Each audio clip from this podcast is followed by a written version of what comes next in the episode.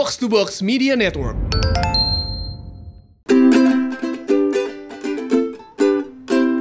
Mencoba minimalis.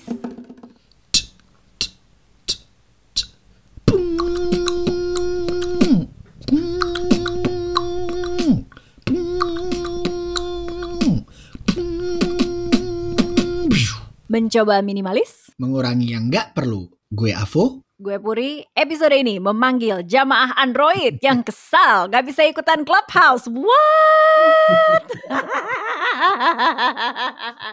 Kita tos dulu dong jamaah Android yang kesel-kesel, penasaran mau ikut tapi gimana ya.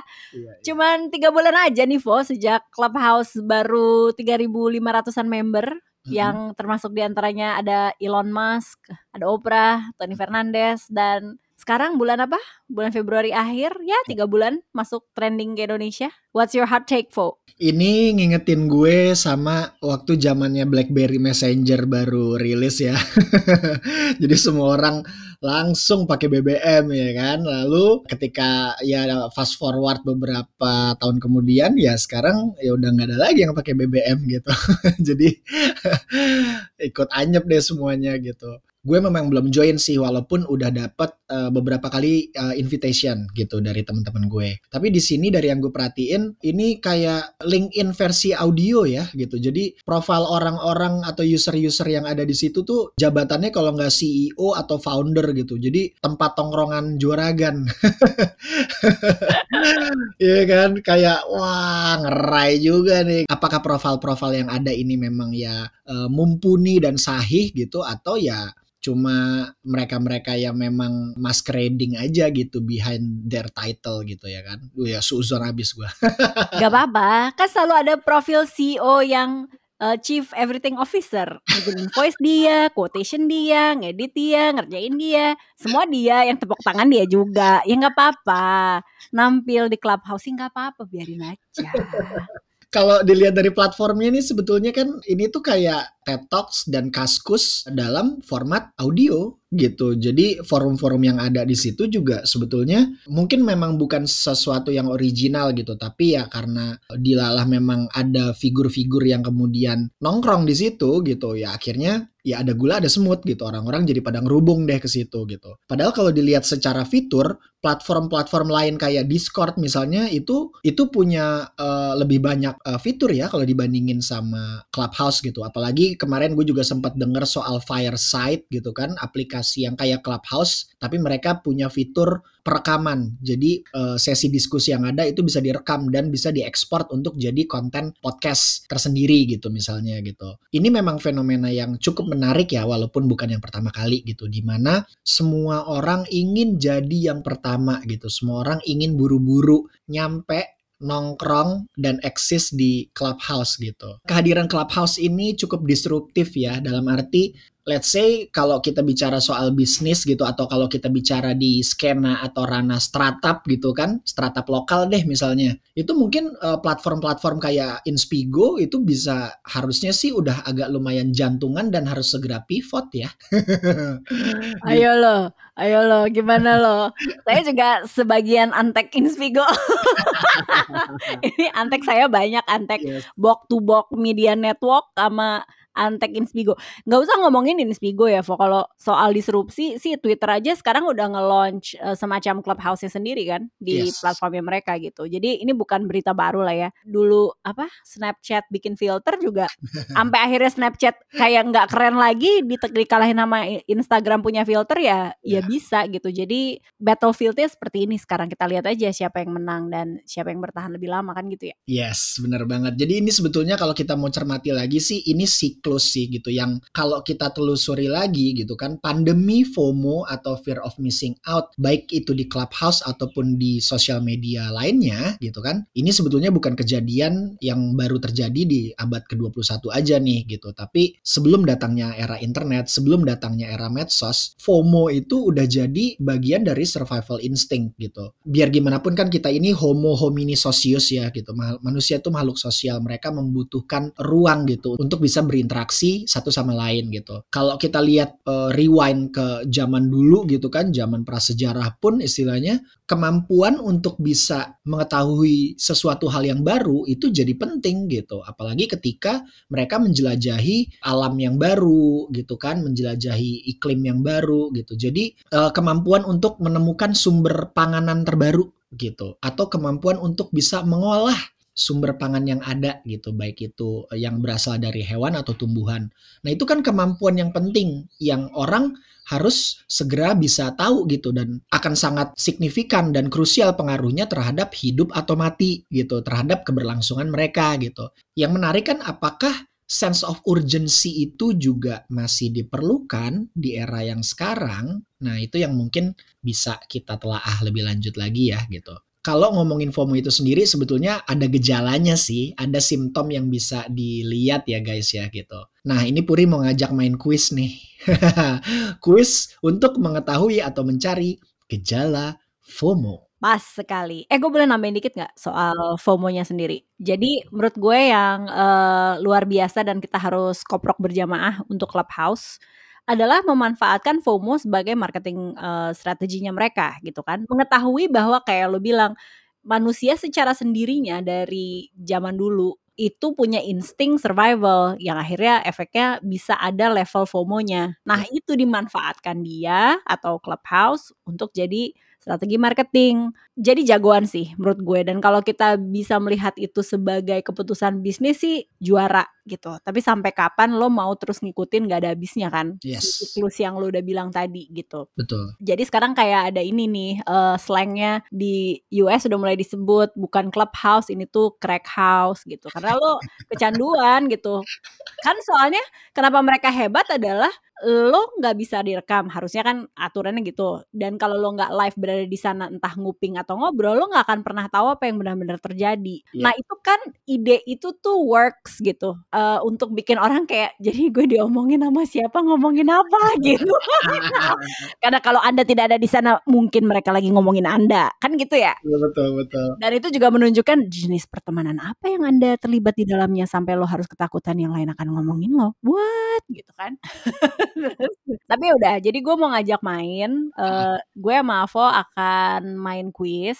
Ini kuisnya linknya akan gue taruh di deskripsi episode. Gue sama Avo akan menjawab pertanyaan pertama dari total ada 10 gengs. Uh, maaf nih agak bilingual soalnya pertanyaan dalam bahasa Inggris. I feel as if I have to have something or go somewhere Two, when I see my friends hyping a particular thing, activity or vacation spot. Intinya, gue pengen pergi atau dapetin sesuatu ketika gue lihat temen gue juga lagi seru ngerjain sesuatu, beraktivitas atau pergi liburan. Jawabannya ada tiga nominasinya, lo pilih satu, not me, bukan gue, describes me somewhat, ya gue lah adalah sedikit kayak gitu gitu. Ketiga, oh tentunya itu saya. Gue yang gue yang tengah sih. Gue not me sih. Oke, karena gue kalau lo beli say sapi terus lo posting di Instagram, gue mau beli say sapi. Jadi somewhat describe, describe me somewhat. Say sapi kedua setelah saya koro. Oke, pertanyaan kedua. It is important to me that I understand the latest internet slang my friends use oh penting untuk gue mengerti internet slang yang teman gue pakai. Pertanyaan ketiga, I am continuously online in order to not miss out on anything. Lo akan online terus menerus supaya lo nggak kehilangan momen atau apa pun. Question number four, I get uneasy when I am not up to date on my social networking sites. Lo gelisah kalau lo nggak up to date dengan uh, semua platform social networking yang lo punya. Nomor lima, I get anxious when I don't know what my friends are up to. Gue gelisah kalau gue nggak tahu temen gue lagi ngapain. Nah ini nih, nih tipe yang suka takut tadi diomongin. Karena kalau nggak ada anda, empat yang lainnya pasti gosipin anda. Untungnya gue enggak sih. Question 6, nomor 6. I get worried when I found out my friends are having fun without me. Gue gelisah kalau tahu temen gue seru-seruan tanpa gue. 7. Even when I am out of town, I continue to keep tabs on what my friends are doing. Kalau gue lagi keluar kota atau keluar negeri kali ya, mm-hmm. uh, gue selalu pengen tahu apa yang teman gue lakukan. What? Enggak lah. Enggak lah. Wah, Justru kalau lagi keluar kota, kalau gue sih ya udah I'm on my own gitu kan, menghilang dari peradaban. Kalau bisa jangan ke trace. Babang itu akan nakal-nakalan di sebuah di Ubud ngadep sawah ya kan. Nah. Ini jadi pertanyaan di villa apa di bedeng, Bang?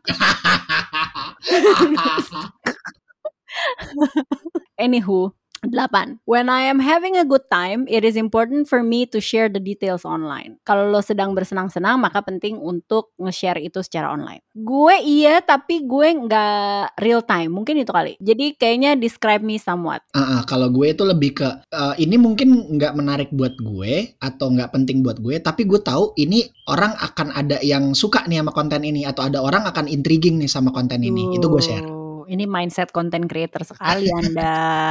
Luar biasa. 9. I fear that others have more rewarding experiences than I do. Uh, gue agak ketakutan kalau orang lain punya pengalaman yang lebih rewarding atau berarti dibanding gue. Agak sih. Kalau hal-hal yang hubungannya dengan kerjaan, exploring new things, gue agak sih. Kalau gue ya sejak gue menonton dokumenternya Roko di Netflix ya gue sudah berusaha belajar berdamai dengan diri gue sendiri bahwa tidak semua orang ya kan bisa berkesempatan untuk menjalani hidup yang uh, rock and roll dan hardcore demikian gitu.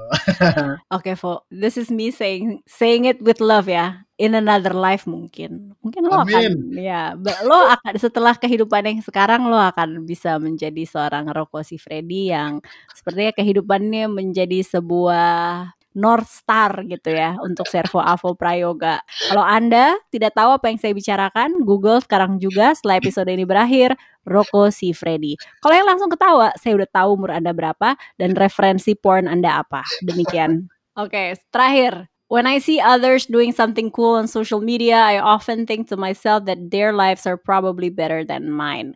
Kalau gue lihat seseorang melakukan sesuatu yang keren di social media, gue often berarti kan nggak selalu ya sering berpikir atau kerap berpikir bahwa kehidupan mereka lebih baik dari gue enggak sih. Karena itu terkurasi. Betul dan dan ini sih pur gue udah sering lihat behind the scene-nya.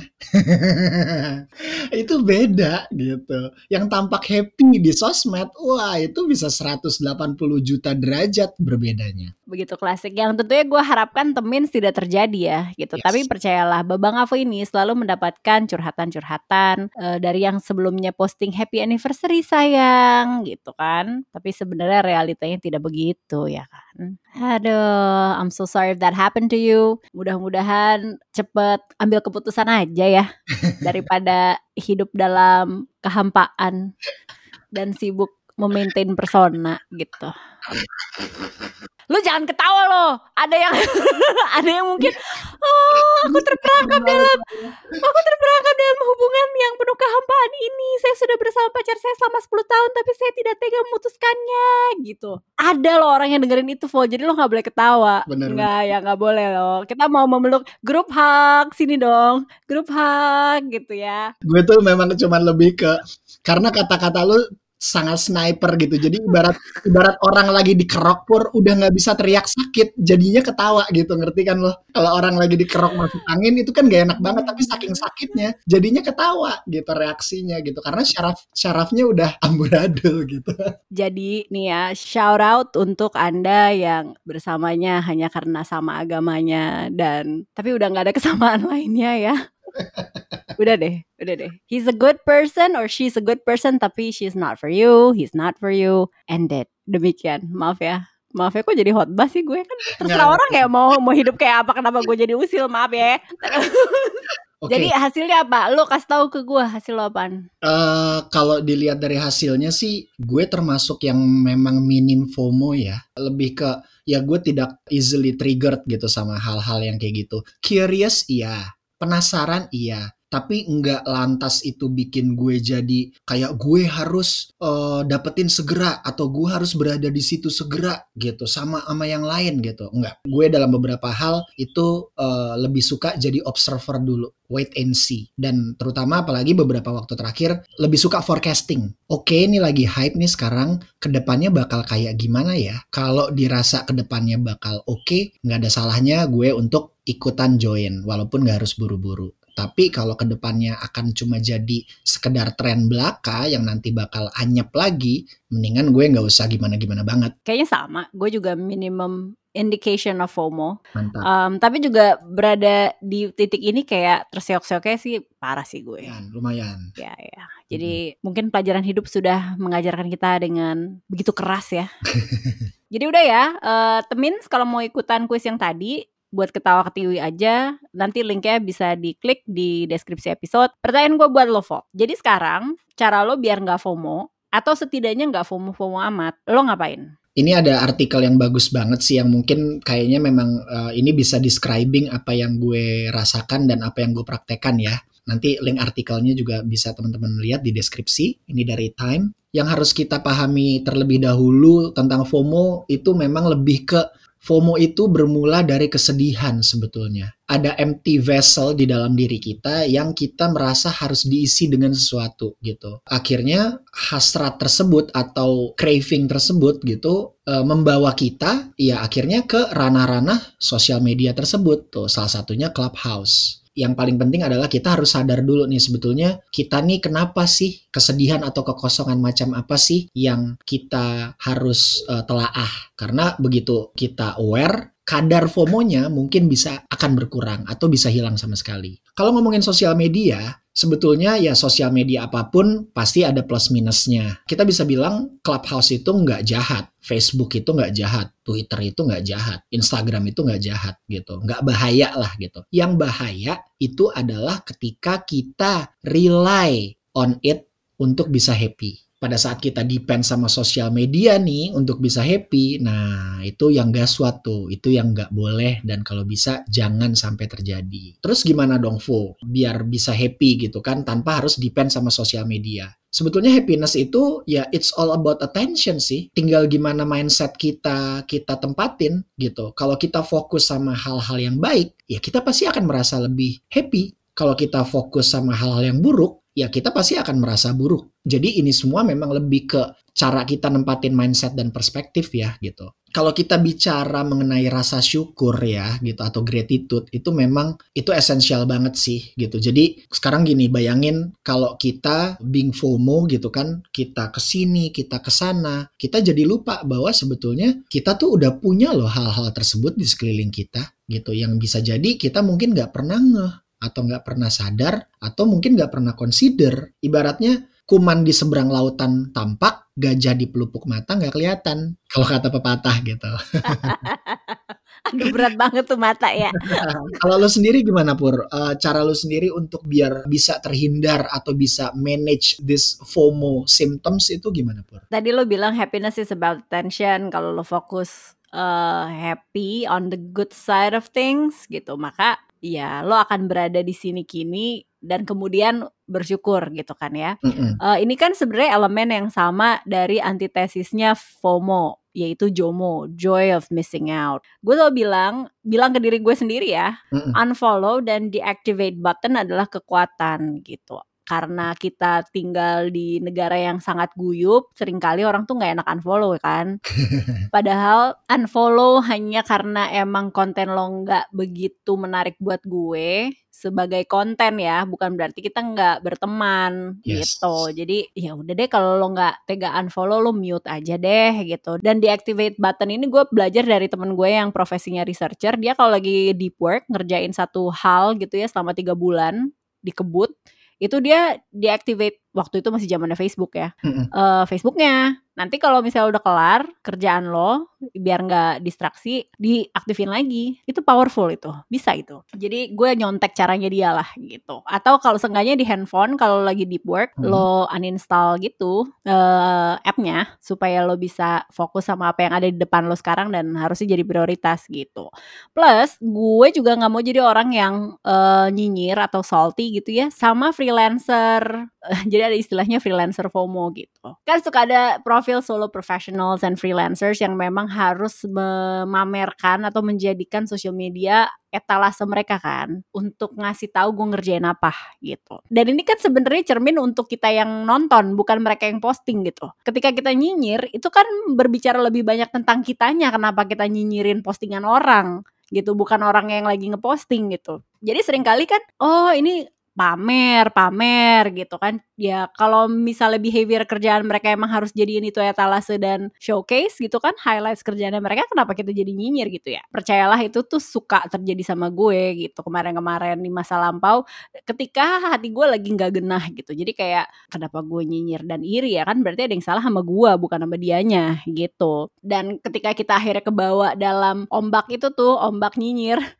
terus akhirnya kita jadi kayak suka no mention no mention gitu kan kan terus yang ada emang apa efeknya nggak ada efeknya cuman kita makin bete aja gitu kan sedikit mungkin ini agak member-member sama episode kita latihan bilang ya atau enggak biar JOMO, joy of missing out, kan berarti kita sudah berdamai ya kita nggak bisa memenangkan semuanya. Hmm. Pertanyaan yang lebih penting buat gue mengkurasi apa yang harus gue kerjain, ya what do you say yes to gitu. Energi lo tuh mau dihabisin ke mana? FOMO gue cukup lumayan parah uh, sebulan ke belakang sebelum akhirnya gue merasakan sendiri Clubhouse. Lo tau dengan cara apa? Sebagai Android lovers dan users ini, gue pinjam handphone laki gue. Nah kan?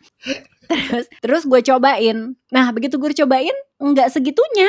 Jadi emang cerminan aja kayak ya lo FOMO kemarin, lo udah ada di dalamnya. Terus lo mau apa? Kalau lo nggak punya intensi di dalam si ombak atau gelombang sosial media baru ini juga lo akhirnya nggak dapet apa-apa gitu. Kayak lo akan mendengarkan orang ngomong banyak banget. Ya oke, okay, kadang-kadang insightful, kadang-kadang enggak. Tapi kan jadi waktu lo habis dan berisik dan jadi distraksi. Jadi gue selalu bilang kayak menurut lo gimana nih clubhouse? Ya kalau lo lo mau jadi pemain dan lo nggak mau tenggelam jadi market aja, mm-hmm. go for it. Kenapa? Karena jadi ini sebenarnya gue agak sedikit antek clubhouse atau sedikit antek social media. Kalau udah siap dan lo punya intensi dan lo jadi pemain, bukan penonton kalau lo kayaknya belum dapat itu tuh kayaknya lo mungkin terombang ambing deh. Jadi gue pengen ngasih ini sih kayak takeaways dari hasil riset gue gitu ya. Tapi ini mungkin takeaways sih justru jadi lebih marketing gitu. Bahwa kan celebrity endorsement dan early adoption ini masih seksi untuk menjadi magnet market massal dan kenapa dibikin ini? Ya kita tadi udah sepakat marketing strategi dengan FOMO segala macam. Kenapa dibikin eksklusif? Ya karena biar diomongin kalau semua orang bisa pakai nggak nggak jadi seru lagi gitu kan. Jelas uh, koneksi dengan influencers ini akan terus me membentuk 2021 jelas creator economy ini akan menjadi sebuah kekuatan. Terus uh, eksklusivitas ini adalah jelas sebuah taktik marketing. Nah pertanyaannya adalah ini pertanyaan bahkan ke gue sendiri gitu. Jadi dengan lo udah punya informasi itu lo mau apain makanya terus gue yang kayak begitu udah ngerasain clubhouse pakai akun mandiri gue mm-hmm. kayaknya hmm, kalau lo nggak punya intensi yang jelas kayaknya jadinya buang waktu ya gitu this is my proposal to you Servo Cesar Prayoga yeah. adalah mari kita bikin akun mencoba minimalis ya udah kita ngobrol di sana biar kalau bisa sekalian recording podcast di sana juga atau fireside chat. Nah, itu lebih menarik buat gue ketimbang gue nya sendiri. Uh, ya udah jalan-jalan keluar masuk seperti kita layaknya keluar masuk idea fest gitu kan. Iya, betul. Intinya sih kita cuma sekedar mengingatkan agar temins tidak jadi akamsi di dalam pensi. Ngerti nggak akamsi di dalam pensi? Jadi ketika ada event pensi di suatu tempat, terus ada akamsi atau anak kampung sini gitu kan yang ada di situ gitu mereka masuk ke pensinya tapi mereka juga istilahnya merasa asing di situ gitu. Walaupun itu diadakannya acaranya di daerah mereka sendiri. Ada kata baru untuk akamsi yang gue baru belajar dari anak intern kantor gue. Bopung. Bocah kampung sama sama sih. Bopung, oke. Okay. Iya, yeah, beragam macumin. Kayak ya udah lo seru sendiri, tapi akhirnya sebenarnya secara tidak sadar kita jadi market doang gitu. That is so unfortunate. Seringkali ketika kita menerima wejangan dari sahabat, dari orang tua gitu kan dari orang yang menjadi mentor kita itu nggak didengerin. Tapi dua jam di clubhouse langsung komentarnya wah terima kasih ya kakak. Ilmunya daging semua bla bla bla. Padahal sebetulnya nasihatnya sama. Aduh itu sering terjadi di korporasi-korporasi besar yang uh, top level manajemennya usianya 50 plus kok. Jadi mungkin mereka yang harus tercerahkan oleh seseorang yang mereka anggap penting gitu jadi kesimpulannya apa nih? Battling FOMO of Clubhouse and other things? Seringkali menjadi yang pertama belum tentu menjadi yang terenak. Sampah. Nah kalau gue menutup obrolan kita hari ini akan mengutip satu filsuf Prancis, semoga gue gak salah ya menyebut namanya, Montesquieu. Dia bilang, if one only wish to be happy, this could be easily accomplished. Kalau lo pengen happy itu gampang sekali. But we wish to be happier than other people, and this is always difficult for we believe others to be happier than they are. Tapi kita susah kalau kita harapannya pengen lebih happy daripada orang lain, karena sebenarnya di benak kita kita selalu percaya orang lain lebih happy dari kita. Demikian, dapat kecup dementor dari Babang Avo. Mwah, gue Avo. Gue Puri. Bye for now. Mencoba minimalis.